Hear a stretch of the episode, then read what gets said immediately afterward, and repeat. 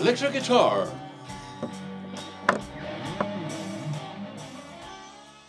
Ja, fra studio i Larvik eh, treffer jeg Per Christian Indrus, for dere som er kjent fra 80-tallet. Eh, da var han eh, popstjerne, eh, spilte i band som Drama og Creation. Vi skal snakke om eh, mye forskjellig. Vi kommer garantert innom musikk. Vi kommer garantert innom karrierevalg. Og vi kommer garantert innom eh, mye annet forskjellig. Det er kjent at når eh, PK og TK setter i gang med en preik, så blir det en skikkelig lang preik. Så velkommen eh, da til denne episoden i Motivasjonspreik.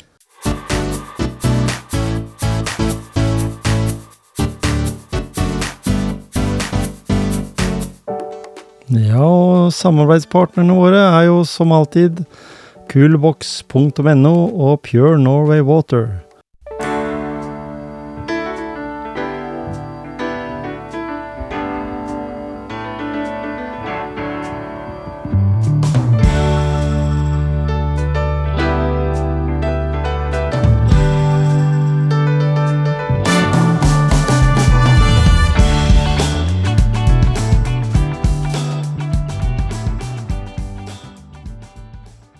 Per Kristian Indrus, velkommen eh, til motivasjonspreik. Og det var jaggu ikke verken for seint eller for tidlig.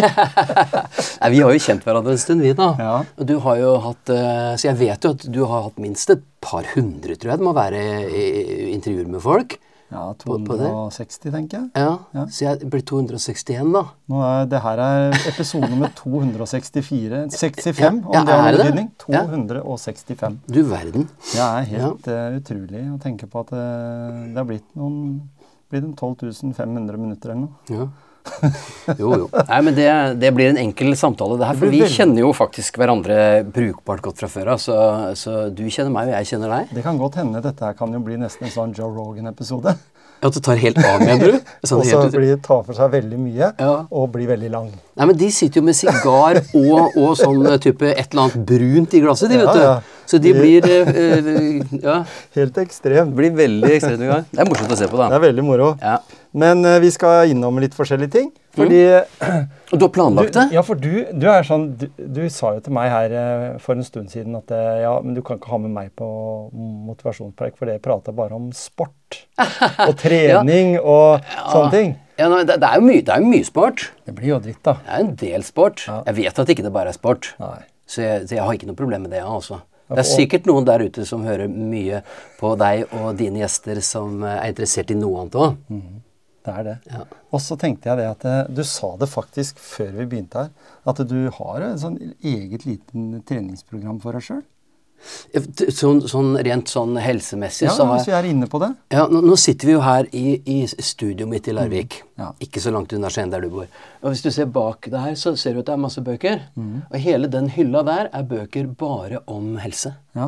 Så jeg er jo interessert i helse, men jeg er ingen treningsfigur. Jeg er ikke spesielt opptatt av sport, men når det er eh, altså Annethvert år så er det europamesterskap, og så er det VM hvert fjerde. ikke sant? Ja. Så, så annethvert år så får jeg da en, eh, en sånn fotballfest Ja. hvor jeg blir litt manisk. Ja.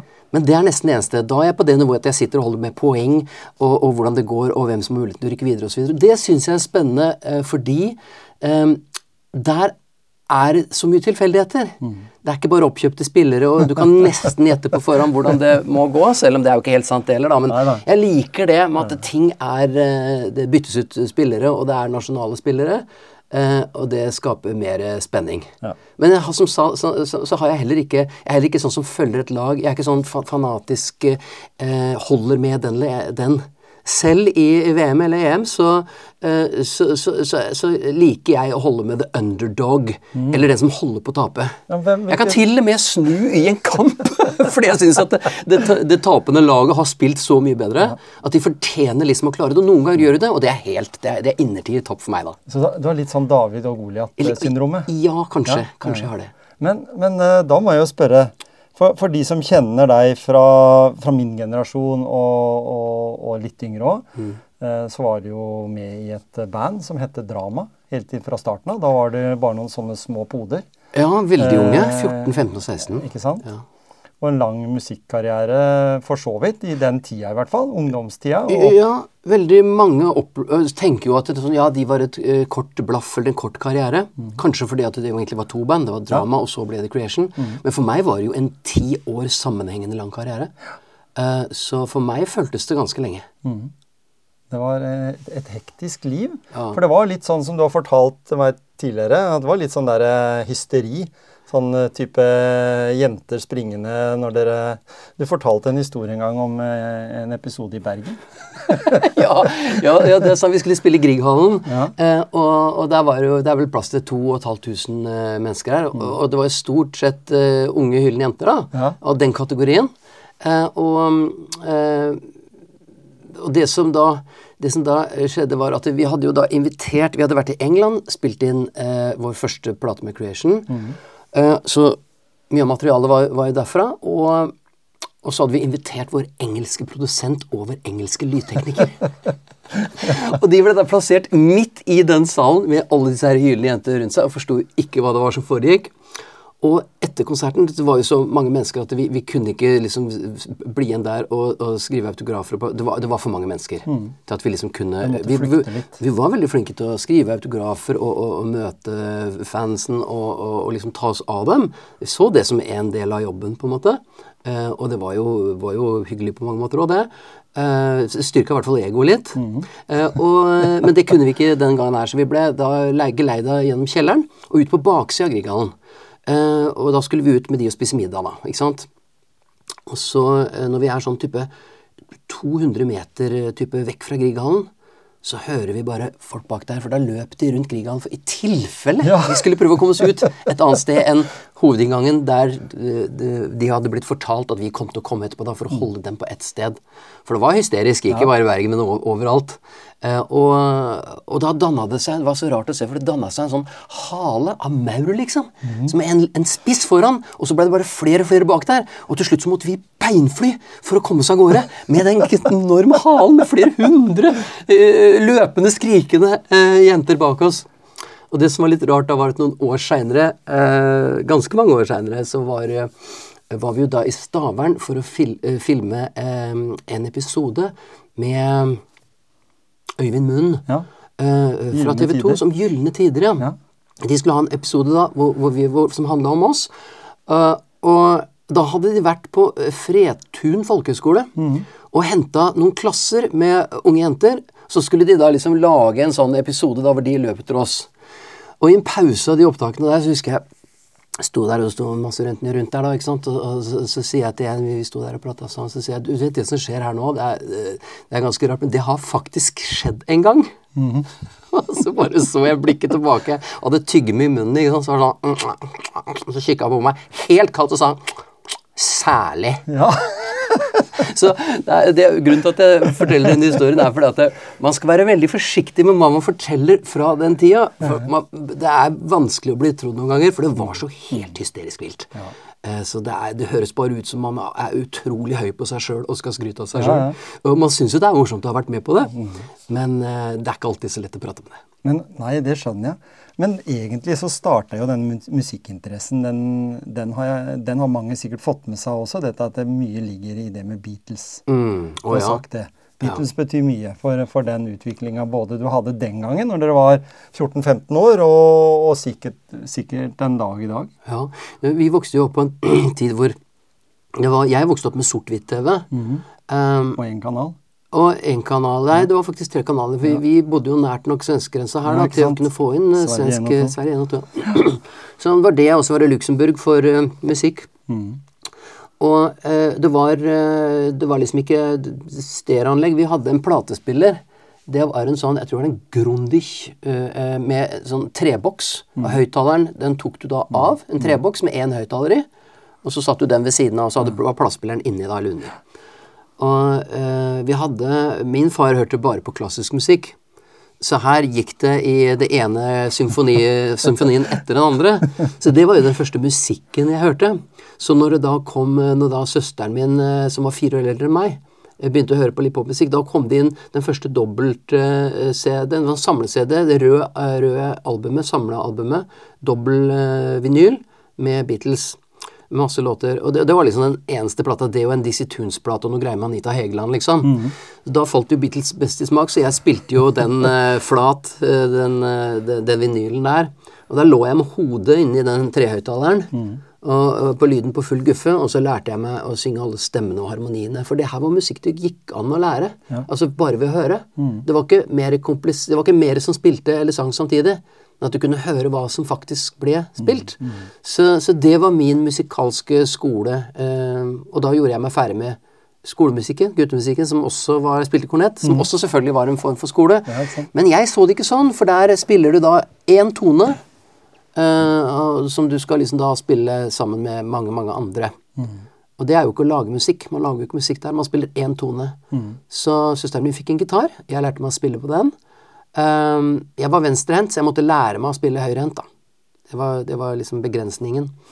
Eh, men det, og vinylen med Beatles, det var min eh, skole, da. Så, så i dag så kan du si det samme som at de som lærer seg musikk i dag, de bruker YouTube.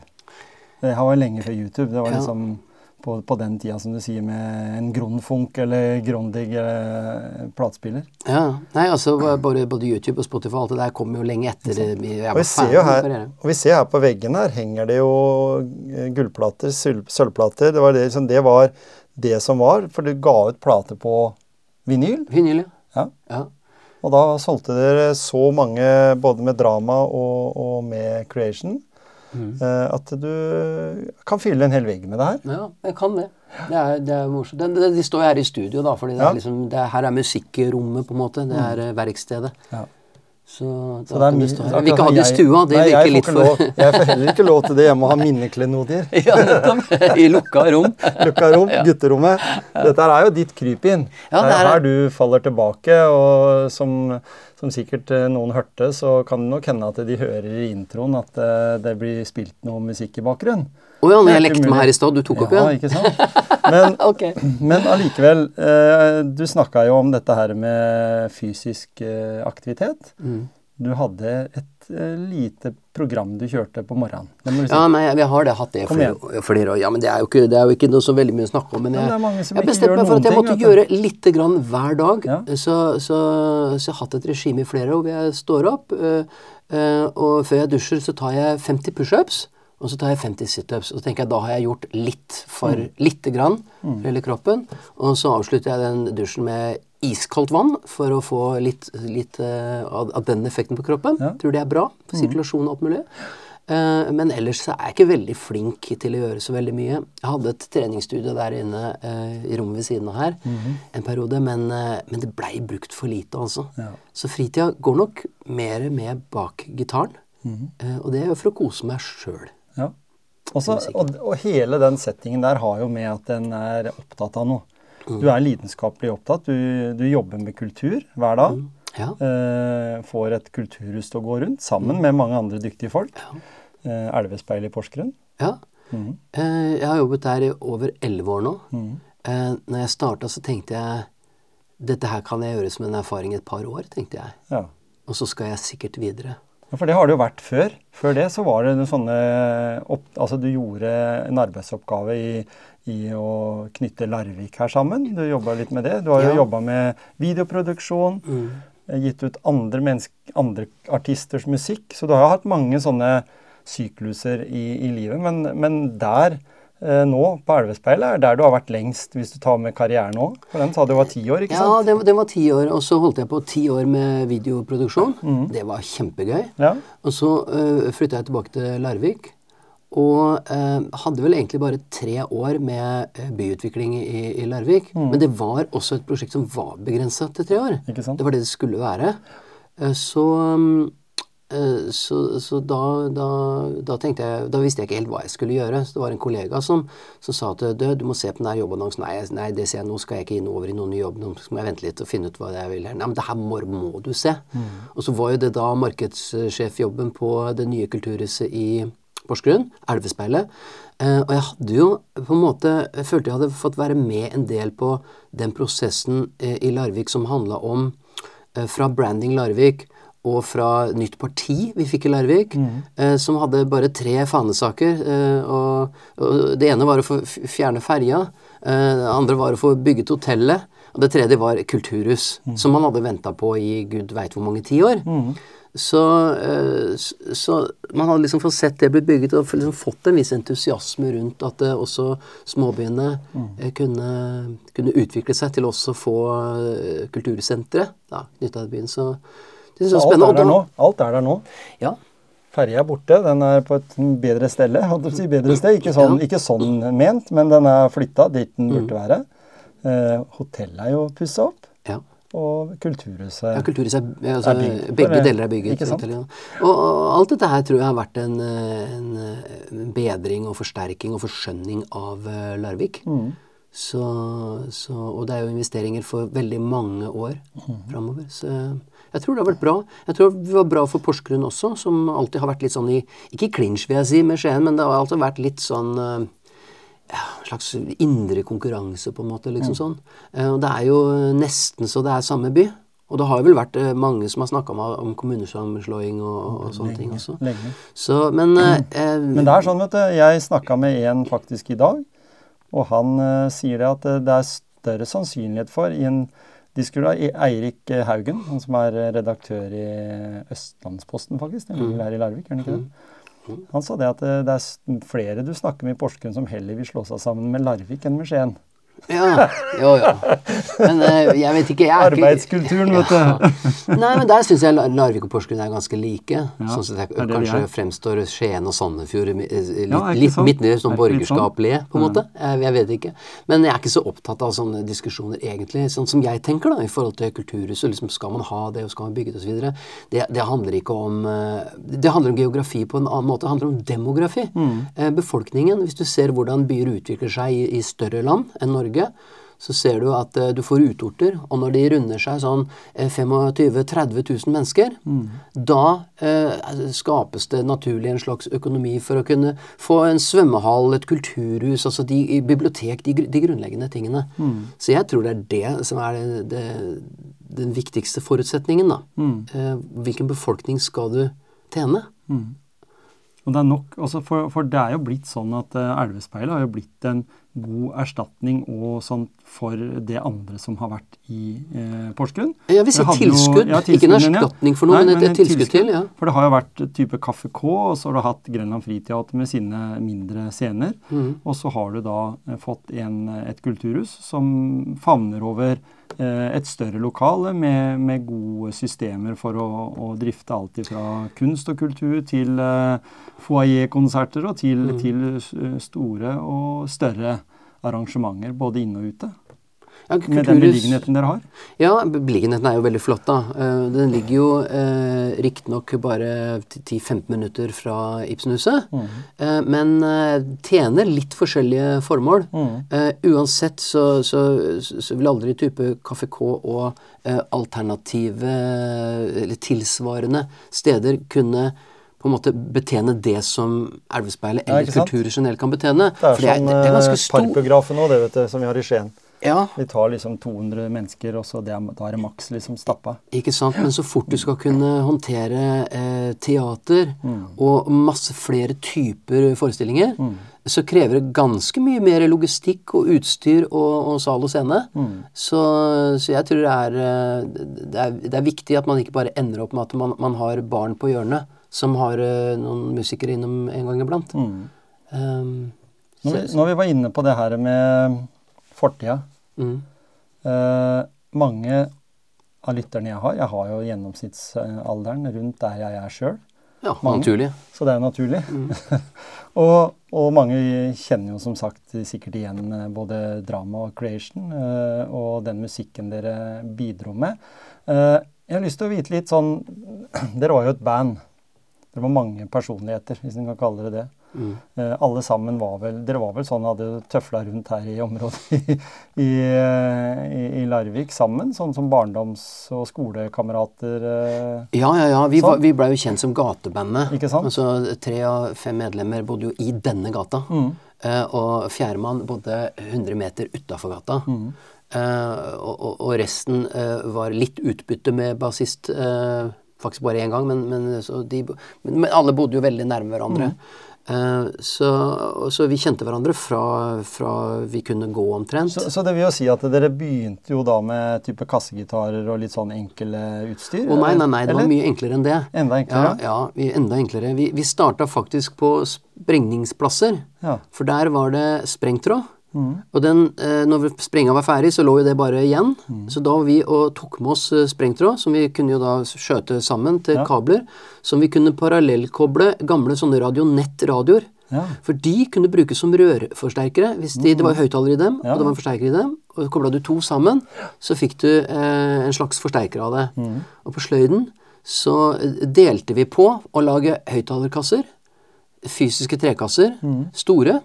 Eh, og så var det sånn at én skjærte ut platene og liksom sånn 'Når har du sløytime?' 'Ja, nei, jeg har sløydtime i slutten av dagen nå.' 'Ja, da skal du, da skal du spikre sammen kastene.' Og så var det liksom eh, 'Du da, Geir Olav, når har du?' 'Nei, jeg har ikke før i morgen.' 'Ok, da skal du male dem.' Så det var sånn, et sånn samarbeidsprosjekt om å lage det utstyret vi skulle spille på. For vi hadde jo ikke penger til noe som helst. Men vi hadde en gutt i gata, her nede også i gata, og han hadde proft band. Eh, Så han hadde litt eh, gamle høyttalerelementer og alt mulig rart. Så, men bandet starta med en sånn nylon kassegitar eh, og et, en pappkasse. Og et metallstativ som egentlig var et stativ som man skulle ha en symbal på. Vi hadde ikke symbalen, vi hadde stativet, så han slo på stativet. Ja. Og de første, aller første demoene som jeg har fremdeles, er da med, er da med det, det utstyret. Og det, det var en nok motivasjon til å ende opp, faktisk, eh, hvis en skal si.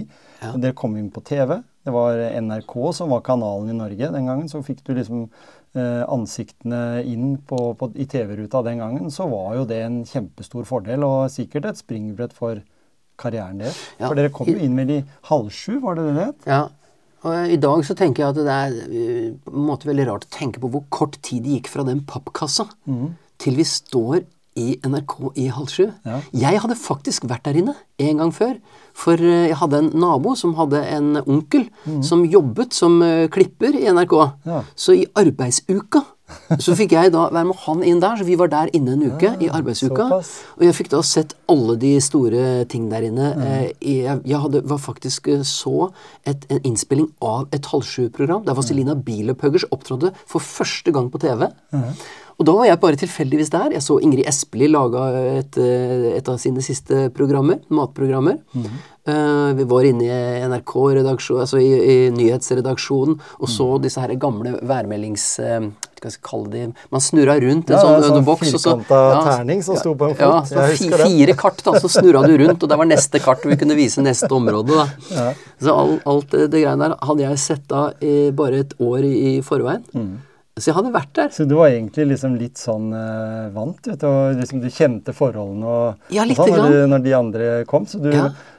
var, var det liksom litt sånn uh, samtaleemne på veien innover? liksom? Ja, gutter, nå må vi tenke på at sånn og sånn. Eller var dere bare, satt dere sånn bare og rista i bussen, eller? Altså, vi var jo i ferd med å Vi, vi var jo med på, på to rockekonkurranser. Uh, og uh, på den andre konkurransen, der uh, Og hver gang så vant vi jo innspillingen av en låt, ikke sant? Uh, og, og hver gang måtte vi da skrive musikk, for, for jeg ville at vi skulle skrive egen musikk. For at det, det var et ordentlig band. Det skulle ikke være et coverband hvis vi skulle gi ut noe. Eh, så, så, så da gjorde vi det. Andre gangen så kom vi til Fristad studio. Uh, det kjenner ikke du til, men eh, et lokalt studio som var ganske bra. Eh, og der hadde de åtte spor. Vi kunne spille inn på åtte spor. Og det sto ferdig trommer som, øh, altså, og låt, øh, låt veldig fint. Så eh, da, da, da skrev jeg den, den første låten som ble gitt ut med drama, 'Daydreamer', for å ha noe å spille inn til den. Men i pausen mens vi spilte inn, eh, så, så var var vi utafor. Her var vinterstid, og jeg husker jeg sto der ute og sa Nei, nå vits i å fortsette. Skal vi fortsette? Vi, er, vi har jo ikke utstyr, og vi har jo liksom ikke noe Vi kommer jo liksom ikke noen vei, på en måte. Eh, og, eh, men eh, men, men låten ble fin, og vi spilte den opp for noen. Og trodde at eh, ja, ja, det kanskje liksom var, Vi fikk mye skryt tilbake. Så vi skjønte jo at det, det var noen som i hvert fall syntes det var bra, da. Eh, og så var det Marianne Olsen. Eh, eh, jente, ja, hun er jo kjent fra Farmen, faktisk, når jeg tenker meg om. Eh, som også har sunget mye. Hun hadde skrevet et brev til NRK om at hun ville eh, gjerne få komme inn og synge. Og sånn da. Og så fikk hun svar. At hun gjerne, hun skulle komme inn, og så skulle de fikse band til henne. Nei, nei, nei, sa hun. Jeg har mitt eget band. Ja, det var ikke så veldig interessert i å høre. Ja, nei, da måtte du sende inn en eh, demokassett hvis vi- så skulle de høre på det, liksom, da. Og da, da fikk, kom hun til oss og, og ba om å få en låt, og da ga vi henne Daydreamer-låta da, som vi hadde spilt inn her. Og, eh, og, og da ble vi invitert inn. Da, det var tydeligvis bra nok, da. Ja, ja. Og, og når vi kom inn, eh, så, så spilte vi jo med henne. Eh, og dro hjem igjen. Syntes det var morsomt å være på TV første gang. Men så gikk det en, eh, jeg tror det var noen ukers tid, kanskje en måneds tid. Og så ringer Bjarte Ytterarne, som var programleder i, i Og så sier han, ringte til meg, og så sier han Hei, Per Christian. Nå har den kassetten med eh, Daydreamer gått på rundgang i huset her og er blitt nedspilt. Vi vil så gjerne at dere skal komme inn og fremføre den låten i et nytt halv sju-program. Og det syns jo vi var veldig stort. Så, eh, så, så da dro vi inn og gjorde det, og resten er på en måte historie. ja, ikke sant? Da satt der, eh, der kom dere i kontakt med altså Halsjø var jo det hippeste og kuleste ungdomsprogrammet som var. ja. Det var liksom der du, der du opptrådte. Eh, vi, hva jeg har sett, der var liksom Dolly de Luxe, eh, Jahn Teigen, alle de også var jo der. Og så var det da drama fra Larvik. ja, Det var ikke så mange musikkprogrammer den gangen. Nei? Så det De som fikk inn. Sky eller et eller annet sånt på Parabol, eller om de ikke hadde det i hvert fall, så et eller annet kom liksom Men til gjengjeld så var jo da de få programmene som var mye sett. Og det her gikk jo da nødvendigvis halv sju, til halv sju, på lørdager. Så det her var jo liksom før nyhetene. Ja. Hele familien var benka foran TV eh, da. Så det å være med der og fremføre noe som eh, falt i smak, var jo selvfølgelig å bli på en måte kjent over natta, da.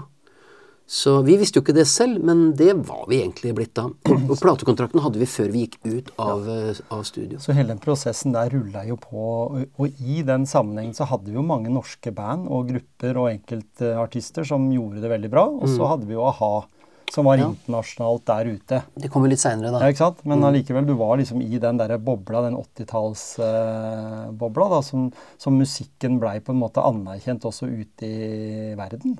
Altså norsk musikk. Dere dro jo til, til England, men det var vel eh, litt sånn eh, som, som du har fortalt tidligere, litt sånn eh, usikkert om det å slå gjennom i utlandet kontra i Norge osv. Ja. Var det noen, noen sånne utfordringer? Ja, nei, jeg vet ikke. Vi, vi, vi, vi var jo ambisiøse. Vi alle er jo det, egentlig, som holder på.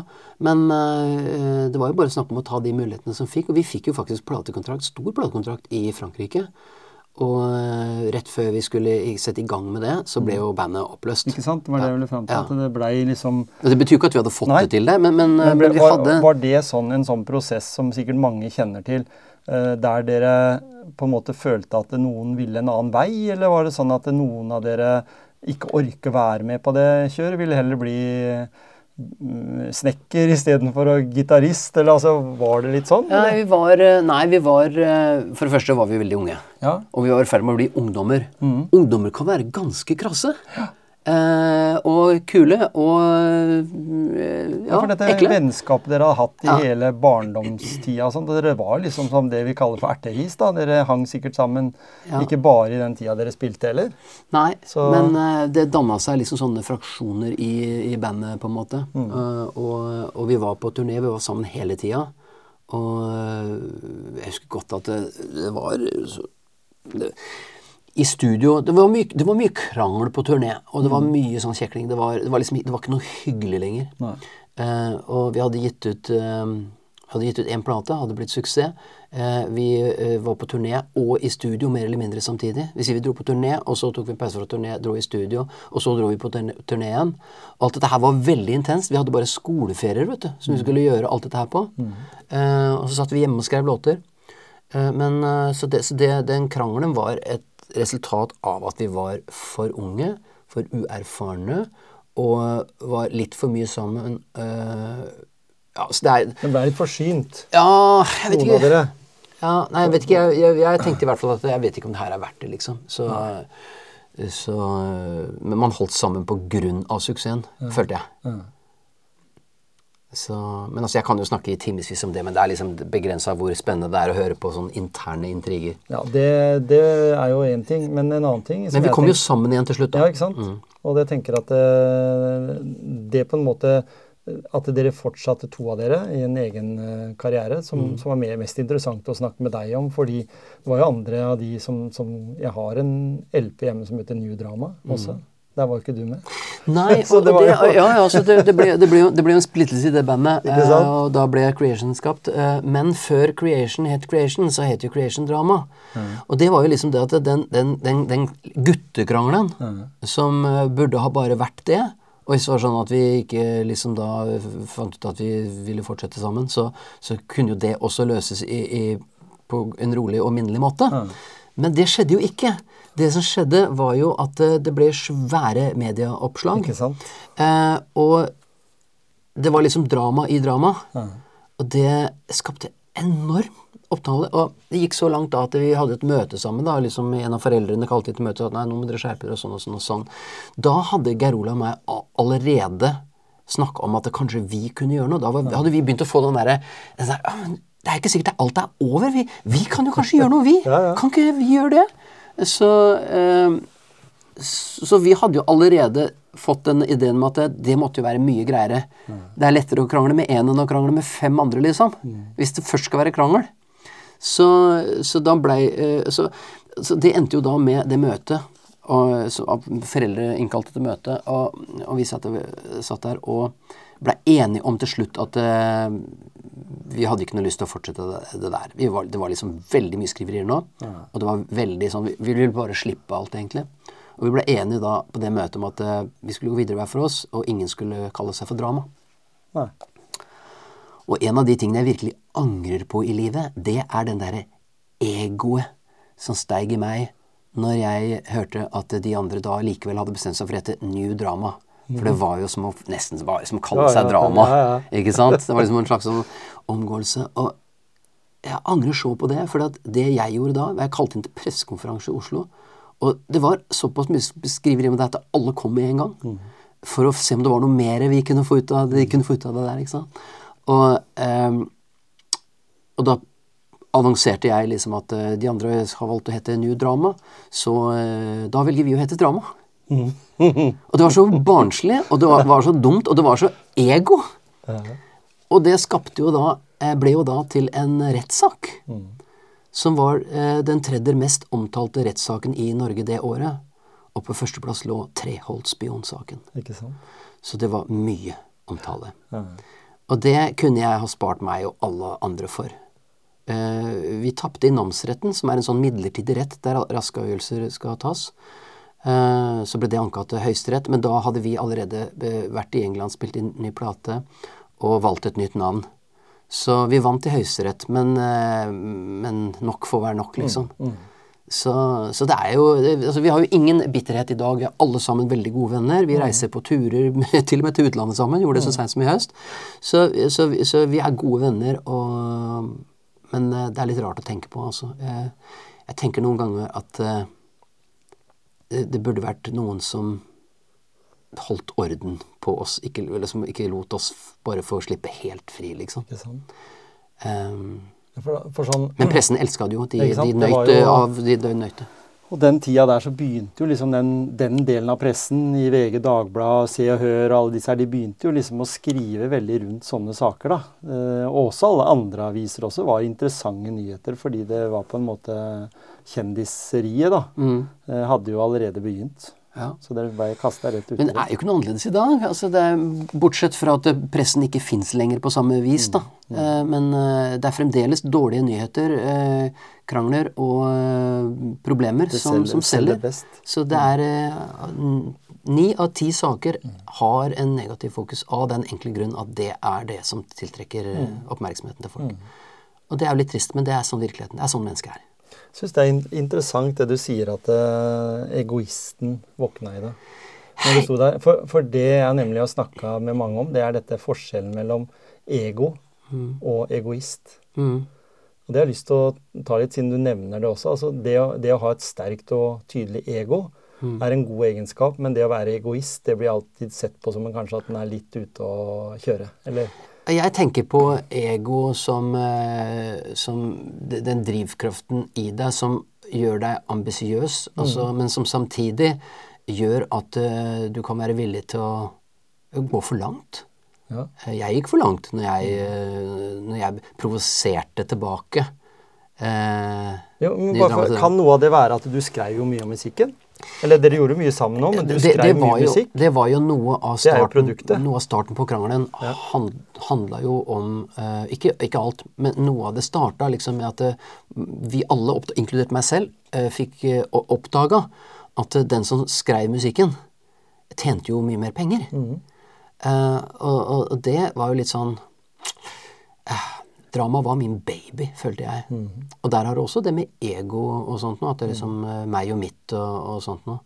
Uh, så, så det blir litt sånn eh, vanskelig å håndtere det. Det ble litt sånn som den ringen til han eh, Gollum i Fresh, my precious. Ja, my precious. Jo, men, uh, det men det er litt sånn. Så, så du kan si du, du, du alle, Jeg har nesten ikke møtt noen jeg, som har liksom lykkes, virkelig lykkes med noe, som ikke er supersterke egoer. Så det er klart at det, det er nok noe som trengs for å få til noe. For der ligger så mye av den drivkraften. Eh, men det er også noe som man i hvert fall som voksen bør lære seg å temme. Altså, temme, rett og slett. altså. For eh, det kan være skadelig. Men- vi, ser, vi, ser, vi ser i sin ytterste konsekvens Vi har, vi har jo noen presidentkandidater som driver og konkurrerer. i- og En av dem har jo noen, noen tendenser som, eh, som mer enn én psykolog syns er festlig å studere. Eh, så det, det er kanskje eh, Nå sammenligner jeg ikke e, altså Ego i sin fulle blomst er jo eh, utbrodert narsissisme, ikke sant? Mm. og vi ser hvor ille det kan være. Men så, er det da liksom eh, forskjellen da med at alternativet, hva er det? Er det en mann i sin eh, gamle dager med bleie, liksom? Det, det er liksom sånn media fremstiller i hvert fall han som styrer, eh, hvis du tenker på USA. Ja, ja, Men det er ikke bare der vi har egoer, av- eller sterke egoer i, innenfor politikken i, da. Nei da, vi har det overalt. Og så, så jeg er enig med deg at, eh, at ego er eh, kanskje nødvendig. Men jeg, tror at eh, i det minste altså Det farligste med ego er at du ikke er klar over at det er der. Du identifiserer deg med det som deg. Eh, men det er, er du ikke. Nei. Eh, det er i hvert fall min overbevisning, at du ikke er ditt eget ego. Eh, du, du er ikke drivkraften din. Nei. Men, men du kan fort identifisere deg så mye med det at du, du tror på din, ditt eget ego, du tror på dine egne løgner på en måte. da. Eh, tror det er en illusjon. Men det er noe av det som er spennende med å være menneske. da. Eh, at vi at vi har ikke forandra oss på 100 000 år. Altså, har, ting rundt oss forandrer seg, men vi har egentlig ikke forandra oss. Og Derfor må vi, tror jeg da, heller ikke være så overraska når ting som vi trodde vi var ferdig med, gjentas. Se hvilken vei verden er på vei inn i nå. Og dette har sammenhenger som er og drivkrefter. altså usynlige e- egoer. Det er ikke mennesker engang, men ting som utvikler seg, som er større enn oss selv, som vi ikke vi har så uh, mye stor, så, så stor innflytelse for. Da. Uh, Og I dag så er det jo uh, veldig mye Nå vet jeg ikke om du vil snakke om det, for det her er en av mine interesser, skjønner du. Det er nettopp det jeg er Eh, interessert i å prate om. Ja. Eller preike, som det Preike, ja. ja, ja, vi preiker. Eh, nei, altså, det, det er en- Den bokhylla bak meg har ikke bare helsebøker, den har også masse bøker om, eh, om Litt om politikk, litt om Ja. kjente mennesker. Jeg kan se alt fra Steve Jobs til uh, Ingebrigt-Sten Jensen. Ja, du har jo også en kjent økonom. Og så er det jo en uh, som Bibelen heter Harari også, som du er uh, fan av. Yuval Noah Harari, ja. Ja. Ja det, jeg har alle bøkene hans. eh, så det, det er en fascinerende figur. Um, men jeg har jo også da også Charles T. Munger, som er altså da Warren Buffetts kollega. Han mm døde jo nå akkurat for noen, bare noen uker siden. Eh, så, så, så, så i dag så er det interessant å ha lest en del av disse bøkene her, og det er eh, interessant å kunne litt om uh, demografi. demografi, og uh, hvilke land som driver med hva, hvilke naturressurser de har, og alle de tingene som grunnleggende påvirker framtida vår, uten at vi tenker så mye over det. Er det litt sånn, når vi snakker om det, er det litt sånn at eh, vi tror at det, det mennesket vi er i dag, for å snakke, gå så dypt ned, og da må, må lytterne bare liksom sette seg ned nå. I Eller holde seg for ørene. Eller holde seg for ørene. Eh, så tenker jeg, vi mennesker, du snakker om det, sånn har det vært i 100 000 år. Vi mennesker har en hjerne som mer eller mindre er akkurat sånn den var for mange, mange tusen år siden. Vi tror at vi kan forandre at tommelen må bli større fordi den skal passe til å sende meldinger med. Eh, at vi har større rumpe for å sitte bedre. liksom Sånne små ting. Men evolusjonen er jo sånn at dette tar veldig lang tid å gjøre endringer på. Det er Alle de tu- tu- titusener år så har vi ikke greid å gjøre noen ting med hjernen vår. Men vi har jo da ting sånn som eh, angst og, og depresjon og sånne ting, som er et sånn stort samfunnsproblem. Mye større enn det Et økende. Min, et økende, en, et problem som myndighetene ikke tar helt på alvor, egentlig. Fordi det er ikke så synlig eh, før du ser statistikker over eh, selvmord og mennesker som lider og blir innlagt og, og, og alt sånt. Så, men så er jo det egentlig eh, egenskaper vi må ha for å overleve. Eller vi måtte ha når eh, løver og tigre og andre rovdyr skulle ta oss. Men Det, det, det, tror jeg er riktig. Eh, Men jeg, jeg vet ikke om det er sånn at, det, liksom, at myndighetene ikke bryr seg eller ikke tar det på alvor. Jeg tror kanskje problemet er at de vet ikke hva de skal gjøre med det. Nei, det er kanskje ingen som vet ordentlig det. Nei. Det blir akkurat som eh, Nå er det mye snakk om kunstig intelligens. Det er det, er nye. Og hva vil det bringe? Ja, det er mange potensielle fordeler, Mm. og så er det mange potensielle farer knytta til det. Og forskjellige opponenter for den ene eller andre meningen står fram. Mm. Og vi sitter igjen og kan ikke vite det ene eller andre. Så vi blir bare usikre Mm. og nervøse. Mm. så, eh, men, men sånn vil det jo alltid være. At det, det skjer nye ting. Jeg mener, når, når du og jeg vokste opp, i hvert fall jeg, så, så, så var det jo den kalde krigen og atombombetrusselen som, vi, som var vår frykt. Det vet vel jeg alt om. Ja, du vet alt om det? Jeg var jo militær i 87-88. Ja, nettopp. Største trusselen vår der oppe i Nord-Norge på grensevakt, det var jo Sovjetunionen. Ja. Ja. Og nå har vi runda den sirkelen. Nå er vi på en måte tilbake. uh, og, og det er 30 år etter. Ja, er det ikke rart? Ja. Og hvis du går enda lenger tilbake, til annen verdenskrig, Mhm. der starta jo uh, på en måte Det, det var jo virkelig det, det store, store, grusomme s- som skjedde der. Med altså millioner av døde under annen verdenskrig. Og en befolkning som kom ut av det ganske traumatiserte. Ja. Eh, og lykkelig over at galskapen var over, og at man nå kunne begynne å bygge land og hjem igjen. Men da fikk man også lyst til å lage barn igjen. Ja. For da var det framtidstro Ja, ja. og håp om framtiden. Og det var jo flott. Så da fikk vi babyboomen, som jeg er den siste av. Ja. Jeg ble da født i 65, krigen var slutt i 1945. Så da hadde det vært 20 år med barneproduksjon. Ja. Så da hadde vi altså da den største befolkningen.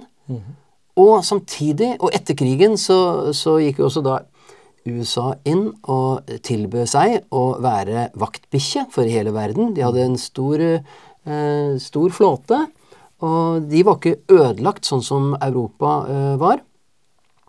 Så de eh, eh, gikk inn og sa til hør her, hvis dere kan eh, være på vårt lag i kampen mot den eh, røde fare og kommunismen og, og Russland, så skal vi sørge for at dere er trygge.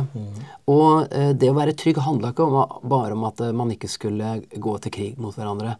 Det handla om at alle, ha, alle land, alle nasjoner, skulle ha friheten til å kunne handle med hverandre. For eh, før krigen så var det bare de landa som hadde godt med kapital og kompetanse og naturressurser og jern, som kunne industrialisere. Og det kunne ikke alle land. Men når USA trygga verdenshandelen, da kunne land som bare hadde én av de tre viktige tingene man trengte, industrialisere. Så det vi har sett i disse åra fram til nå, og, og, og, er jo at vi har hatt altså da en enorm utvikling. Fordi vi har hatt nok med unger som til slutt ble til arbeidskraft, under en voldsom industrialisering, utvikling og eh, veldig økonomisk oppgang i over 70 år. 75 år. Og eh, nå Og så kom pandemien. Eller var det ikke andre ting også bare før det det? som skjedde. Du kan si at pandemien var som en perfekt storm eh, fordi at det var midt i starten av at de første babyboomer-generasjonene da gikk ut. Og det er ikke bare i Norge, dette er i hele Europa og også resten av verden. Eh, Kanskje, Japan Kina, har jo kanskje Kina og de landa der nede som hadde restriksjoner på barn på 60-, 70-, 80-tallet, kanskje de Ja. merker det mest? Poenget er at vi nå har hatt 75 år med medgang pga. grunnleggende ting som få tenker over. Eh, men du kan bare industrialisere én gang. Eh, det har vi gjort for lenge siden, og de fleste andre land i den vestlige verden har gjort det for lenge siden. Og nå eh, står vi på den motsatte sida. Nå eh, går, eh, går disse generasjonene, denne babyboomer-generasjonen, går ut eh, i pensjon. Og det skaper helt nye termer. Og USA vil ikke lenger være vaktbikkje. De har vært i ferd med å tre ut, tre ut, og det har de vært i mange år. Lenge før Trump. Så når de trekker seg ut, så er det noen rabagaster som ser muligheten til at eh, nå tror vi kanskje at eh, vi kan komme tilbake her og få dominere litt igjen. Og det tror jeg er det vi ser nå. Ja. Det, er, det er menneskelig. Det er, ja, Menneskelig utvikling. ja. Fall, eller for eh, reisning og forfall. At, det, at vi går gjennom historien i sykluser hele veien. Har du tro på det? Ja, det, jeg, tror, jeg tror på det. Jeg tror aldri at historien gjentar seg helt likt, men jeg tror at de samme drivkreftene driver det rundt. Eh, de som har, de som har kommet, kommet ut av en krig, en, en ordentlig krig, eh, er traumatiserte. De vil, de vil gjøre veldig mye for å hindre at det skal kunne skje igjen. Eh, men så går tida, og så går 75 år. Og så er det, for, generasjon, og så er det beste ja, og så tror man liksom at dette kan ikke skje igjen. Dette, det, vi er ferdig med det nå. Det er utvikling, går videre. Nå er vi moderne mennesker. Nei, vi er ikke det. Vi er de samme som vi var for tus, titusenvis av år siden. Og vi gjør de samme feila av de samme årsakene. Så Men uh, Så hva har vi lært? jeg, jeg vet ikke. Jeg, jeg tror uh, Du har jo, du hadde du har en bok her uh, av, av en person som sammen med da Buffett, de har jo vært på en måte med på å bygge den vestlige verdens økonomi Ja, det kan du si. på mange måter. Ja, det kan du si. Eh, så, så, Og nå går de bort. Ja, de er, en av de er borte. Ja, ikke sant? En av de er borte, og, og de begynner å bli eldre. Mm. Eh, en lytter jo fortsatt til de, men, og de har jo masse teorier og masse bøker og mye Mm. som de kan bidra med. Men, men er, vi, er vi i ferd med nå Jeg kan jo ta et eksempel som at nå har vi jo starta nettopp noe som du sikkert har hørt om helt hit til Narvik og i hvert fall til Porsgrunn, om et Google-senter. Ja. Et eh, digitalt senter som blir bygd eh, oppe på Gromstøl i Skien. Mm, Eh, et stort prosjekt. mm. Eh, skal vel bruke 6,8 milliarder eller noe sånt, eh, Google. Mm. Eh, og det er jo ikke så gærent beløp, det, sett i norsk målestokk heller, Ja, skal det brukes i Norge? i det senteret i Skien. Ja, de seks milliardene. 6,8 milliarder. Ja. Skal de brukes i, i Skien? Eh, det der kan vi jo ta en debatt om, da, fordi jeg vet i hvert fall de som har fått den jobben, det er Skanska. Mm. Og de er ikke fra Skien. Nei, ikke sant. Nei, grunn, grunnen til at jeg spør, er vel egentlig fordi at eh, det der med, med å eh, skaffe arbeidskraft til, til kommuner og sånn, altså arbeidsplasser, da, eh, det, det kan jo være tvega sverd i, eh, i jeg kan, kan si, fordi at det, I dag så bygges, bygges jo Man ser på det på en måte som, som man gjorde med industrien. Altså Du bygger en fabrikk, og nå er det 400 nye ansatte. Fantastisk. Det skaper jo velstand.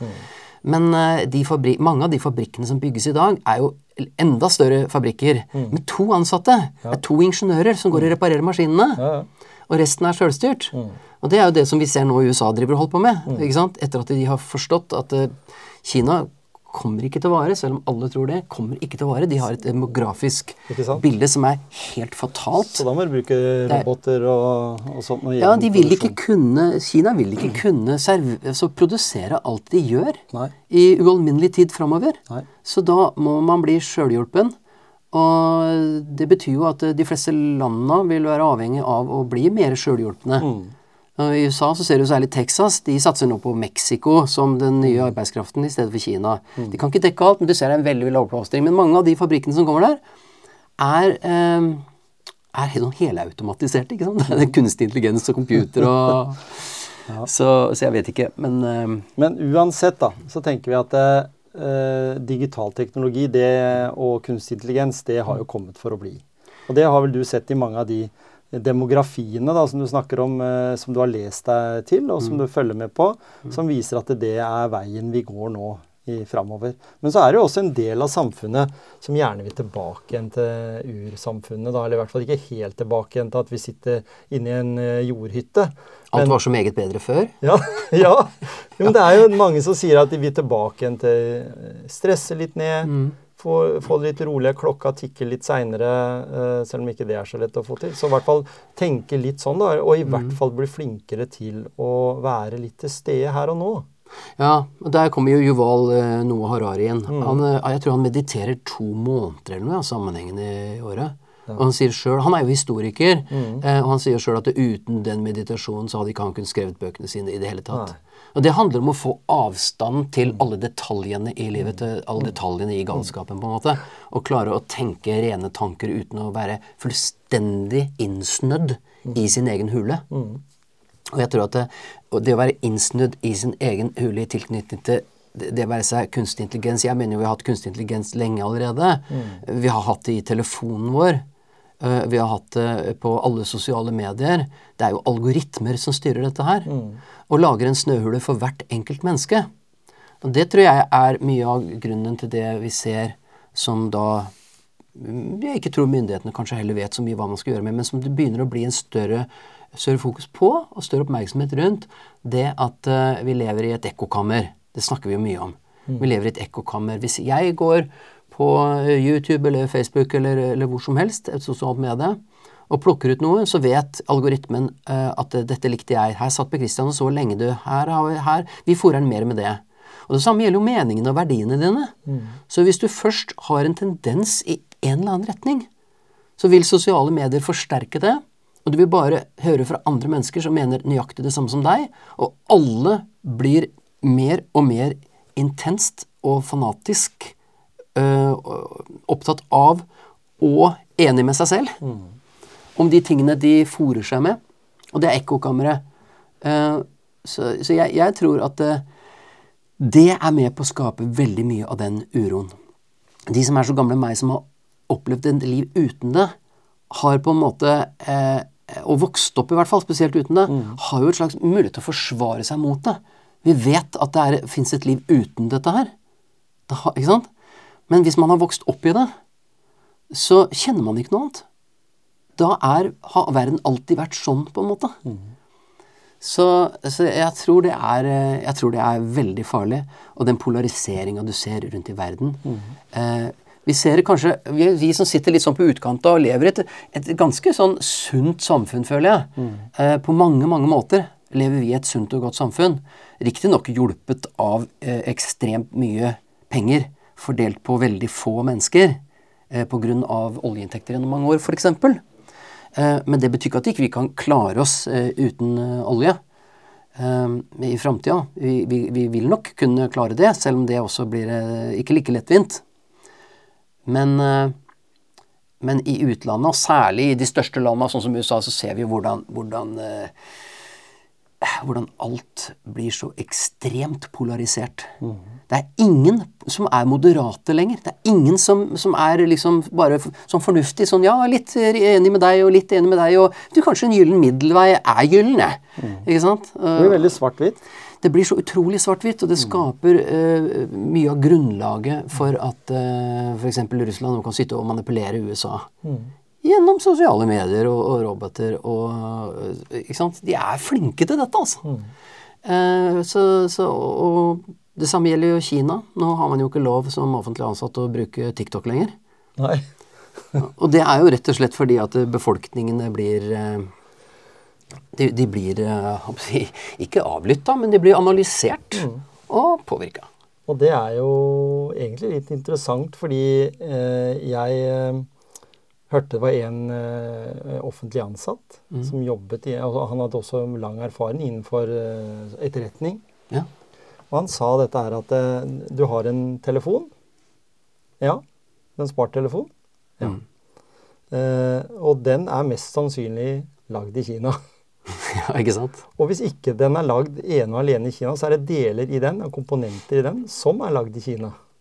Ja, altså Også Altså Hvis du plukka det ned til, liksom, ned til prosessorer og Ja, og de lages i Taiwan, da. Ja da, men også, også alt, så, så var det sånn, sier han da, at selv om du slår av telefonen, eller, eller hva du gjør, så Mm. er det ting den er i stand til å fange opp. Eh, vi ser jo det med Messenger, f.eks. Ja, ja, ja. At eh, du kan eh, plutselig få eh, disse algoritmene, hva du snakker om med andre, og Mm. du har den appen stående åpen, så får du beskjed om det at ønsker du å la den stå åpen, ønsker du å gi tillatelse. Så vi sier jo stort sett ja, for vi tenker ikke at det kan ha noen konsekvenser. Nei, og de konsekvensene det faktisk kan ha, er liksom ikke sånn konspirasjonsaktig at noen sitter og avlytter deg og er opptatt av deg. Nei. Ingen er opptatt av meg og deg. Nei, jo Men vi er eh, som, som, som en samla nasjon, Mm. så er vi meget interessante.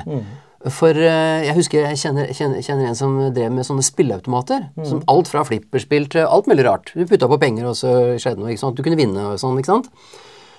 Uh, og han fortalte meg For jeg spurte om åssen det her foregikk, og hva, hva som, hvordan den businessen var. Uh, og så sa han det at eh, du kan det, det er en knapp du kan skru på mer eller mindre fortjeneste. Ja. Så hvis det går litt dårlig med en maskin, så skrur du opp fortjenesten så folk vinner. Da begynner folk å spille, og så skrur du ned fortjenesten. Nemlig. Og så lever du av marginalen imellom. Ikke sant? Så det er det samme som nå algoritmer gjør med hele Altså globalt sett. Med hele verdensbefolkningen. Du kan skru på en bryter, og så hvis du sitter på det rette mediet, eller har, har innflytelse eh, et sted, hvor du kan skru på den knappen, så kan du også skru på hele befolkningsopinionen. Ja. I teorien, da. Og da er vi inne på Google-senteret igjen. Da er vi inne på- jo, Google. Det, ja, men det virker jo veldig Altså, jeg, jeg skjønner jo at det, eh, x antall politikere i en liten kommune som Skien, som jeg kommer fra, Mm. Ja. blir bondefanga av noen som kommer fra et hovedkontor i Paris eller Irland, eller hvor de kommer fra hovedkontor, og håndhilser. Vi skal kjøpe dette her eh, Mm. Ja, du er arealet. åpenbart mot dette senteret, skjønner jeg. Nei, nei, nei, men jeg er litt skeptisk til om eh, forventningene er skrudd litt for høyt i Ja. forhold til hva vi kan forvente om fem år, da, når det står ferdig. Jeg Det- håper jo for Skien at det skal være en flyt i det, fordi da har jo Ibsen plutselig blitt 200 år, og det er liksom mye Ja. som skjer i, i Skien. Men eh, jeg, jeg tror kanskje at eh, vi ikke skal sikte eh, for høyt. Mm. Jeg tenker at vi må være realistiske, som du sa her i stad med industri. Den gangen du bygde en industri på Herøya som het Hydro, eh, Mm. og det var 400 ansatte som jobba på den fabrikken, eller kanskje til og med 1000 Mm. ansatte, så skapte det kanskje mer økonomi tilbake igjen til eh, kommunen enn en dag, altså At ikke vi skal forvente at dagens teknologi og digitalisering, kunstig intelligens, nødvendigvis gir så veldig mye penger.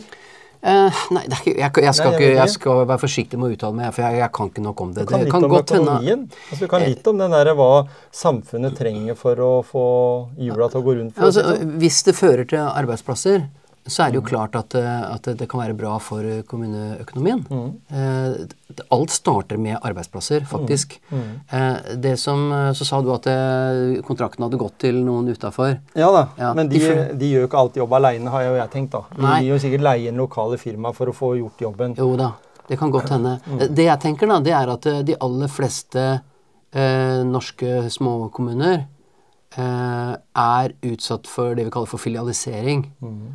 Eh, og filialisering Tidligere så var det kjøpmann på gata, ikke sant? og så hadde du bonden på torget, og så hadde du klesbutikken som lå i gata ved siden av.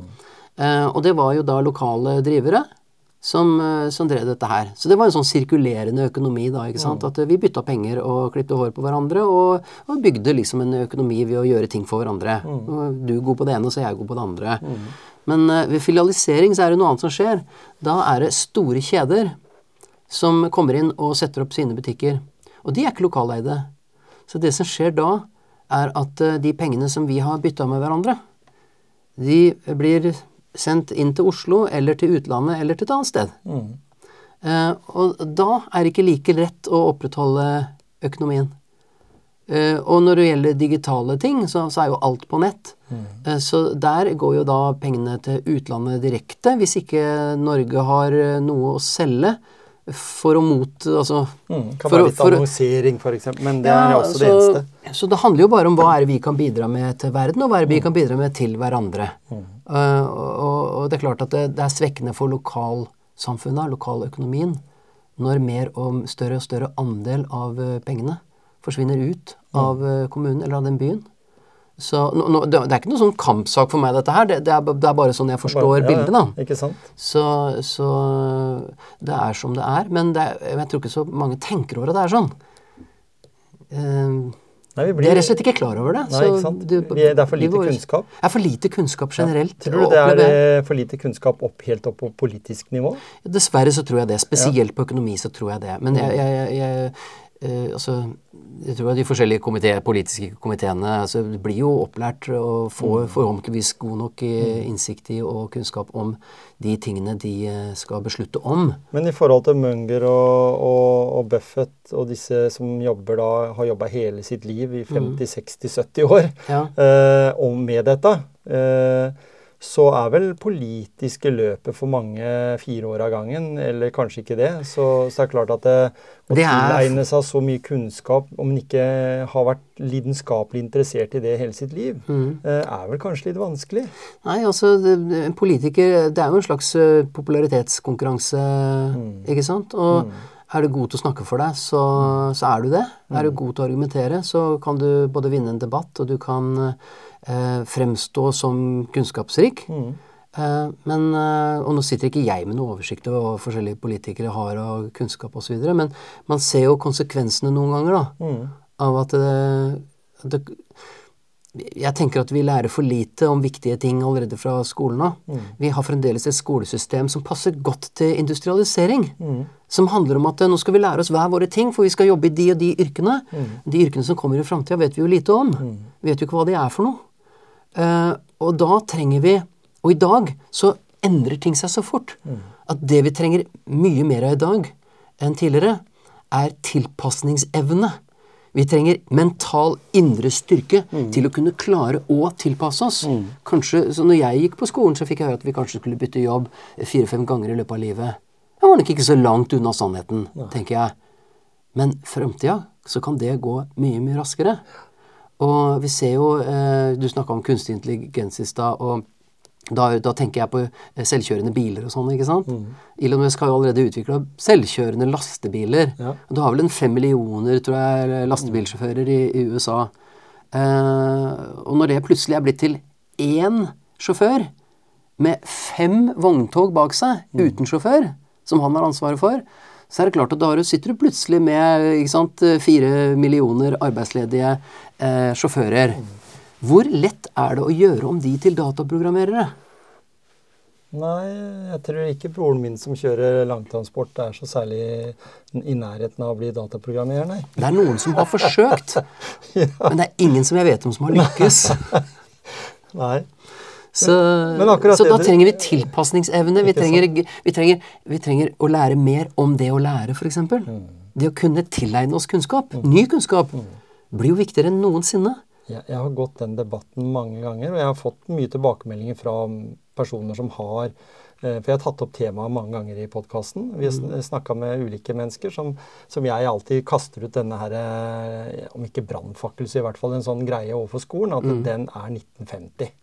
Ja, det er kanskje. Skolen er jo etter krigen, ikke sant. Ja. Og den der, vi, har, vi skal pugge ting, og vi skal lære, og denne, dette er boka du skal følge. Og så sier jo du akkurat det motsatte. Og det er jo en del som prøver å innføre det i skolen, at vi må lære noe helt annet i dag. Det er ikke så viktig å lære eh, verdenshistorie eller franske revolusjoner eller, eh, eller sånne ting, men det er viktigere å lære eh, hvordan du skal bli som menneske. fordi det er jo ikke noe selvfølge at du begynner i første klasse på skolen. Jeg hadde jo ikke noe mamma og pappa som hadde noen forutsetning for å lære meg å ha greie på økonomi, f.eks.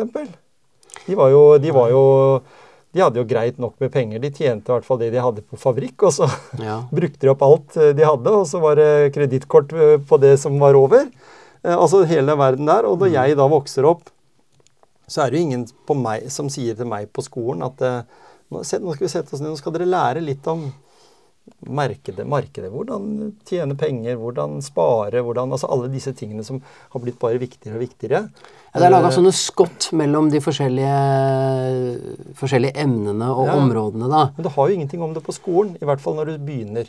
De første ti åra av skolegangen i dag inneholder egentlig veldig lite av det. Jeg prøver så godt jeg kan å være mest mulig ren renessansemann. Ja. Det vil si at jeg kan litt om alt. Jeg forstår litt om alt. Mm. For da kan jeg forstå sammenhenger. Eh, og, og nå er det jo sånn at vi, vi vokser opp i et system med gode intensjoner Mm. om å skape stabilitet og et trygt og forutsigbart samfunn. Ja. Og det er jo ikke noe galt i det. Men, når, men store organisasjoner og store systemer Vi må ha respekt for at det er det vanskelig og tungt å endre. Mm. For det er vanskelig å endre mennesker. Og, og, og da, eh, da blir det bare sånn at eh, når ting går Når endringen kommer fort, da. når ting skjer fort. Men, og vi ikke er forberedt på å kunne endre oss så fort. Da får du mange som ikke føler lenger at de henger med, at de har mening, verdi, eller på en måte føler seg verdsatte. Og det er et kjempeproblem Ja, ja. i ethvert samfunn. Ikke sant? Vi det er jo- trenger, vi trenger alle. Det trenger alle. Trenger men alle. da skal jeg jo si det igjen at eh, du og jeg er jo sånn De gangene vi setter oss ned, og skal vi Mm. sitte og prate i timevis om alt. For vi er jo litt interessert i forskjellige ting, begge to. Ja, dette Altså, her er jo som en samtale, som, samtale som, jo, som vi har ofte. ikke Dette vi er jo ikke en podkast engang, det er jo en samtale er jo som vi sånn ellers har hatt. Ja. Ja, og da tenker jeg det at hvis, hvis, en, hvis en ser for seg hva en er interessert i, og Mm. snakker om det eh, og, og er engasjert da, i samfunnet, Mm. Ja. så hjelper det veldig lite. For nå er vi faktisk i den generasjonen som ikke ikke blir vi prioritert eh, når det gjelder vi, altså Det vet jeg at du ikke er, for du har kommet lenger enn meg på det. Men eh, jeg og Kjersti, vi er på lineær TV. Vi ser, Ja. vi ser på Norge Rundt og nyhetene. Nei, sier du det? Ja, ja. Vi ser på det klokka 18, Dagsnytt 18, og vi ser på nyhetene klokka 19. Ja, det er fascinerende. Ja, ikke sant? Og så har vi, og så har vi jo fortsatt, så kanskje vi ser 'Mesternes mester' når den egentlig går på TV. Ja. Men det er mange andre ting vi ser når vi vil, eller som vi ikke vi ser. Ja. Og så ser vi serier strima. Det, ja. men og Grand allikevel- Prix, det må du se live, for du skal stemme. Ja. men jeg har faktisk ikke sett så mye Grand Prix, men faktisk i år så syns jeg 'Gåte' var en veldig fin sang. Ja. Veldig artig. Sport er jo også et sånt Og sport, live. ikke sant? med, det må jeg også se live. Ja. så har jeg sett det på VGTV, hvem som vant i skiskyting eller eh, langrenn eller, eller fotball. Men allikevel, vi ser litt på lineær TV, men vi er også etter hvert den generasjonen som ser også litt på nyhetene på mobil eller på nettbrett, PC. Mm. Men vi har også papiravisa. Der er Den- vi gammeldags, ikke sant? Den har du slutta med. Ja, det det, det er lenge siden. Jeg har ikke sett så mye til den, nei. Jeg, jeg, ser, jeg ser jo en del Grenlandsaviser, så som jeg Ja. må følge med litt. Grann. Men det er jo mest vi, nett, da. Ja, men vi eh, som eh, vår generasjon, 50 Mm. vi er liksom ikke helt sånn eh, vi, er, vi er en, ikke en utdøende rase, for det blir bare flere og flere av oss, men Vi er jo en utdøende rase på det, litt sikt, da. på en måte. Men allikevel så er samfunnet bygd opp til å ta imot eh, Jeg hadde senest en prat med en i dag som sier at den viktigste gruppen eh, mennesker som avisen er interessert i, Mm. det er damer under 40. Ja, altså Avisene er vel interessert i eh, De må ha flere lesere der. ja, de, Men de må også ha lesere som er, eh, som eh, er interessante for annonsørene. Mm. For, og de, de som annonserer, annonserer jo til mennesker som må ha noe penger til å kjøpe noe for. Så det må jo være det går, og det er går jo- på klær og sminke, og det går på sånne ting Og det, det, er jo, det er jo barnefamilier. Eller familier generelt sett. Det, det er jo de som handler ting. Mm. De kjøper seg bil og båt og hytte og hus og sånne ting. Eh, og det er jo det som er problemet Mm. egentlig når den store generasjonen med pensjonister kommer sigende gjennom. Mm. De tar ut sparepengene sine. Det er Oljefondet tømmes med pensjonister som skal ta ut dette her, så nå går alle pengene ut. Og så må vi ikke da synes det er rart at renta går opp. Nei. For dette skjer i hele verden. Pengene tas ut. Det blir, når det blir lite penger, så blir penger dyrt. Ja. Og prisen for penger er rente. Så, og da blir det vanskelig å reinvestere og bygge nytt, ikke sant? for du har ikke noe penger lenger.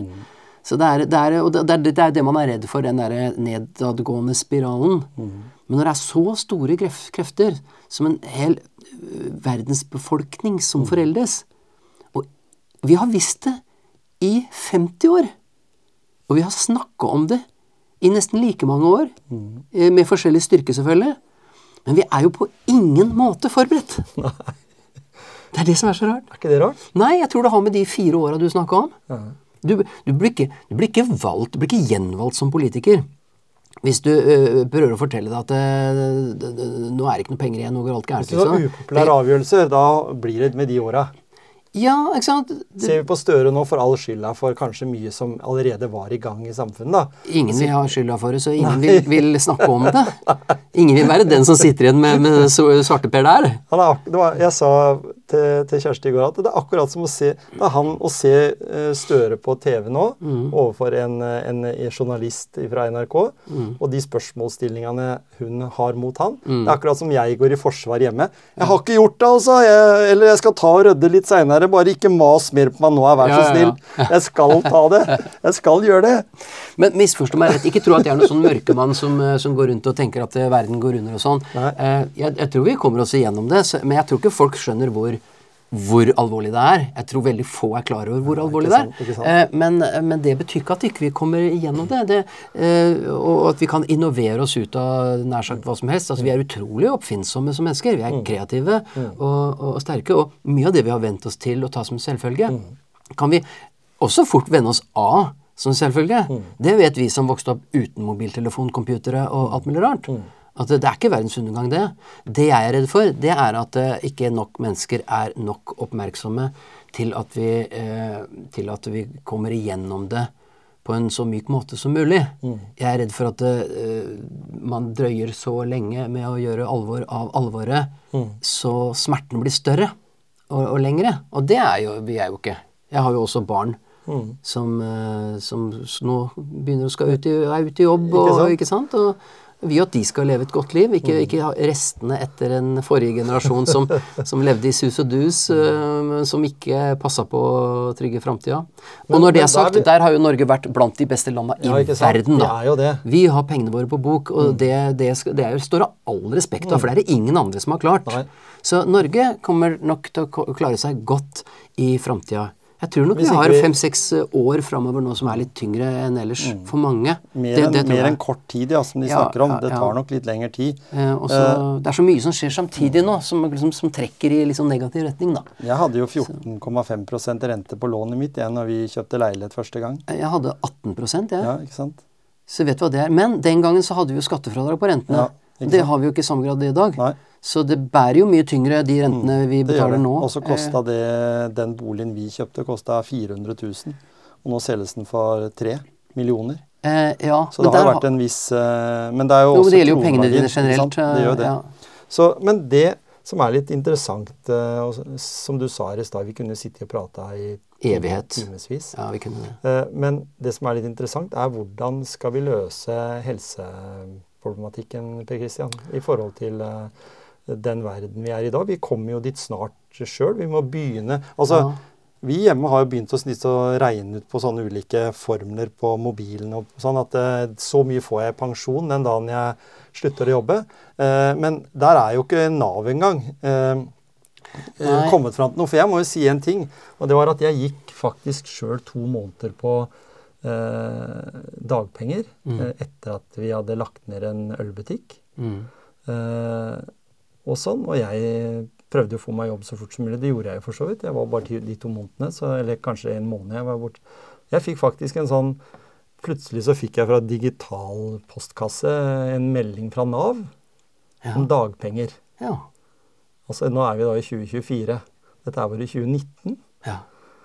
Du har blitt eh, tildelt eh, 358 kroner og sånn fordi vi hadde gitt deg for lite dagpenger i 19, nei, 2019. ja.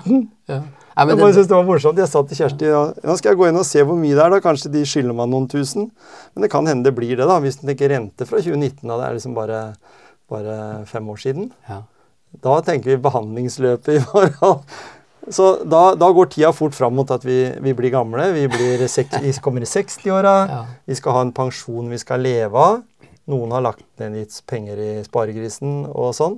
Og så er jeg da som helsearbeider jeg er opptatt av at vi må kunne si at den helsemodellen vi har i dag Du har jo barn i, som jobber i helse, du òg. Ja. Eh, så, så du vet jo det. Men hvordan en kan gjøre helsevesenet til mer moderne, mer te teknologisk, fordi vi vet at vi har ikke nok hender om 10 år. 15 år.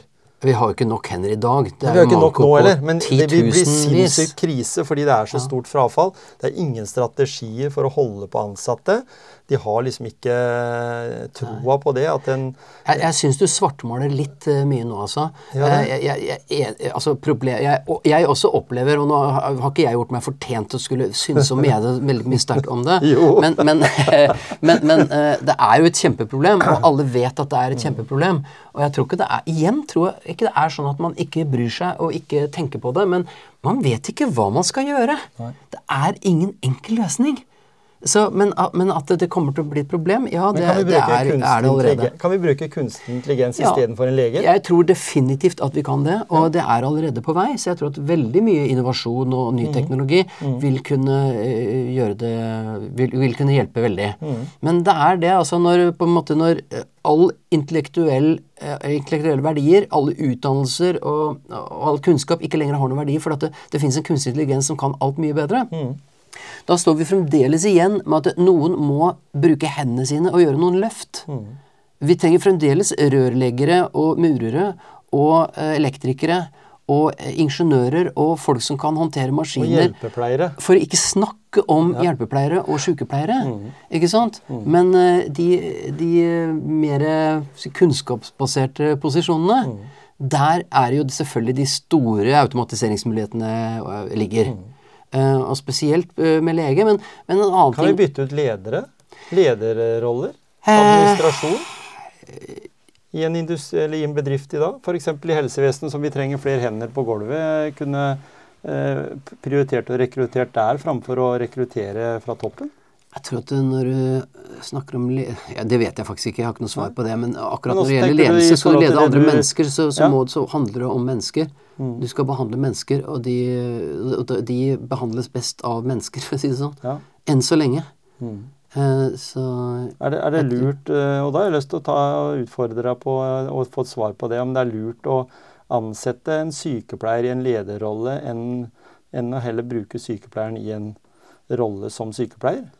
For det er ofte sånn en rekrutterer i helsevesenet, at det, en gir det en sjefsstilling. Men det er også har det noe med det derre ønsket om å bli mer anerkjent. Vi er jo så vi mennesker. Altså, Så lenge vi lever i en fri verden og kan gjøre frie valg, også Mm. om arbeidsforhold, så er vi jo i stadig større grad nå nødt til å jobbe mer for å beholde de ansatte vi har. Mm. Fordi eh, det kommer nye generasjoner til som eh, De, de snakker jo om den her eh, yngste generasjonen. Er det Mm. Z-generasjonen? Eller er det Ja. Eh? De- er jo asosiale. Eh, halvparten av dem er, ønsker jo bare å lokke seg inn med en mobiltelefon eller en computer på et eh, mørkt kort og, og låse døra innenfra. Eh, De vil ikke ha kontakt med andre mennesker, de vil ikke sitte på noe kontor de vil, sammen med andre. De? Så, så du, du får, vil få sånne utfordringer etter hvert også. At det, det er vanskelig å få tak i folk. Fram til nå har det vært nok av folk. Men for hvert nytt pensjonskull som går ut nå, så vil vi se hvordan det blir vanskeligere og vanskeligere å skaffe folk til noe som helst. Og, og, og da nytter det ikke å si at eh, nei, vi kan ikke, bygge, vi kan ikke gjøre sånn, vi kan ikke gjøre sånn. Da er vi nødt til å prøve å tilpasse oss litt også de behovene og ønskene og ambisjonene som de forskjellige kommer inn har. Så, så jeg, jeg, jeg, tror ikke at dette er noen enkel oppgave for de som på en måte er satt til å lede den overgangen. Jeg tror ikke det, altså. Var det, var det lettere å være Einar Gerhardsen og Gro Harlem Brundtland eh, enn det er å være Jonas Gahr Støre og Gerhardsen er jeg usikker på, eh, for det er såpass langt tilbake. Men eh, Gro Harlem i for industriell og eh, olje, Oppgangstider. oppgangstider med Ja. olje tror jeg nok var, var lett, lettere. Mm. Men hun var, jo, hun var jo kvinne, da. Ja, ikke sant? Første kvinnelige statsminister. Og det tror jeg ikke var lett, kan du bare høre hva han selv sier. Ja. Det, det var en kamp hvor hun følte at hun gjorde en kamp for andre kvinner fremti, i fremtiden, Ja. liksom. Har du sett Makta, eller? Ja da, selvfølgelig. Jeg Veldig koser meg med det. Jeg syns den er ja. morsom. Den er fabelaktig. Ja. Men du har også seks statsministre, norske statsministre som eh, har satt seg sammen i middag og blir intervjua hver for seg og forteller Ja. hvordan deres, eh, deres perioder har vært. da. Ja. Og Det er også fascinerende å få med seg Ja. på NRK. Jeg er veldig Faktisk, etter et sånt program, så er det personer sånn som Kåre Willoch, f.eks., har jeg veldig respekt for. Veldig. Ja. fin fyr. Jeg møtte jo Kåre Willoch. Jeg opptrådte jo faktisk for Kåre Ja, ja. Willoch og Høyre i Oslo eh, i en periode, og opptrådte for andre også. Men, Mm. eh, det var ikke noe sånn veldig partipolitisk eh, nødvendigvis. Men da hilste vi på Kåre Willoch. Han, han fikk faktisk en plate, Creation-plate. Uh, manageren vår sendte han uh, plata som ble spilt inn i Porsgrunn. Mm. Den het Blue Sky. Ja. Ble spilt inn i Porsgrunn, og den, den fikk han. Og da kom det en hyggelig brev tilbake som jeg har liggende her et eller annet sted. Hvor det står fra, fra sånn- Kåre Willochsen Ja, ja. Kåre Willoch. Takk for den nye platen til Creation som var morsomt å få. var det sånn? Ja, ja. ja da. Spennende, spennende historie. Jeg vet det at uh, vi kunne, som vi sa i stad, holdt på lenge. Uh, jeg tror folk skal bli litt uh, motivert, sett at de kan ta disse her 50 pushupsa, 50 situpsa hver dag. For vi må nok kanskje belage oss på at vi må jobbe til vi blir 70. Ja, Men det viktigste er ikke hvor mange det er. Nei, antallet Jeg har faktisk hatt en periode hvor jeg, jeg kjente det at jeg, jeg, trente for lite med andre ting rundt. Så at mm. uh, bare de 50 hver dag kunne fort bli sånn slitasje på noen få muskler. bare liksom. Man trenger å bruke hele kroppen. Det handler ikke, for meg i hvert fall, hvor mange man tar egentlig. Mm. Det blir bare sånn for sitt eget mål å se hva man måler, hva man har gjort. på en måte. Men, men at man gjør det hver dag. Lahlum tar 1100 per dag. At man gjør, Ja, ikke sant? Sånn, ikke, men ikke samtidig. Nei, nei ikke sant? Ikke, så, nei. så, så dele det litt, eh, sånn, det kommer nok jeg til å gjøre. Sånn, dele litt, Ta litt morgen, litt kveld, så få, ja. få litt mer jevnt utover. Men, eh, og da jeg, kan jeg jo ta mange flere. Mm. Men musikken Men å gjøre det hver dag er det som er viktig. Det er det, det, er det som er stabilt. Kontinuitet. Mm, det er viktig. Fint ord. Det er veldig fint. og det er jo noe med det. Og, og allikevel så skal vi ha hobbies, vi skal ha noe som gir oss mening med livet. Mm. Det er noen har sagt, det. Vi har jo familie. En har barn og barnebarn og hunder, og en har det som trengs. Mm. Og katter. Du har jo også musikken. Vi ser jo her i studioet ditt, der har du jo godt med gitarer. Du samler jo på gitarer som jeg samler på ski. jo, men, men eh, når, sant, når, du får en interesse for noe, så går du liksom litt i dybden, og da er ikke en gitar en gitar lenger. Nei, ikke sant? Det fins én gitar til hvert formål. Ja, nemlig. Og her har du én til hvert formål, men ikke noe mer. Nei. Men allikevel så er jo det noe som du kommer til å ha med deg resten av livet. Og du har hatt det fra du begynte med disse her nylonstrengene og, den, eh, og disse her, eh, den tråden fra sprengningspunktene. Ja. Ja.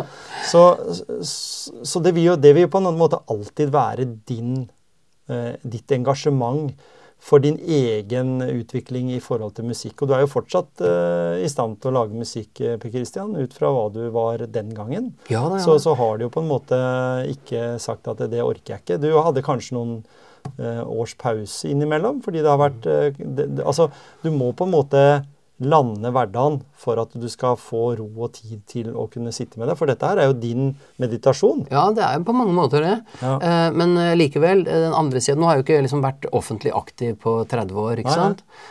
Men likevel så opplever jeg nesten ikke en, at en dag går uten at jeg blir påminnet eller får en hyggelig kommentar. Mm. Ofte fra noen jeg ikke kjenner eller har møtt før. Ja. Så man bærer jo det med seg gjennom livet, og mm. jeg føler jo det er et drypp. og av uh, hygge, en hyggelig kommentar en er et drypp av Ja, jeg vet ikke om det er anerkjennelse. Det, jeg, det jeg føler, er at jeg, jeg vet jo at når, når, jeg får en hyggelig kommentar, så er det for at noen syns det er hyggelig å kunne si det. Mm. Fordi de har fått noe en gang som de satte pris på. Ja? Og det er veldig hyggelig å få det spredd ut i doser gjennom hele livet. Det må jeg bare mm. si jeg er takknemlig for det. Mm. Og jeg er veldig takknemlig for at du hadde tid til å sette av litt tid her. Det var bare hyggelig som alltid, det. Ja.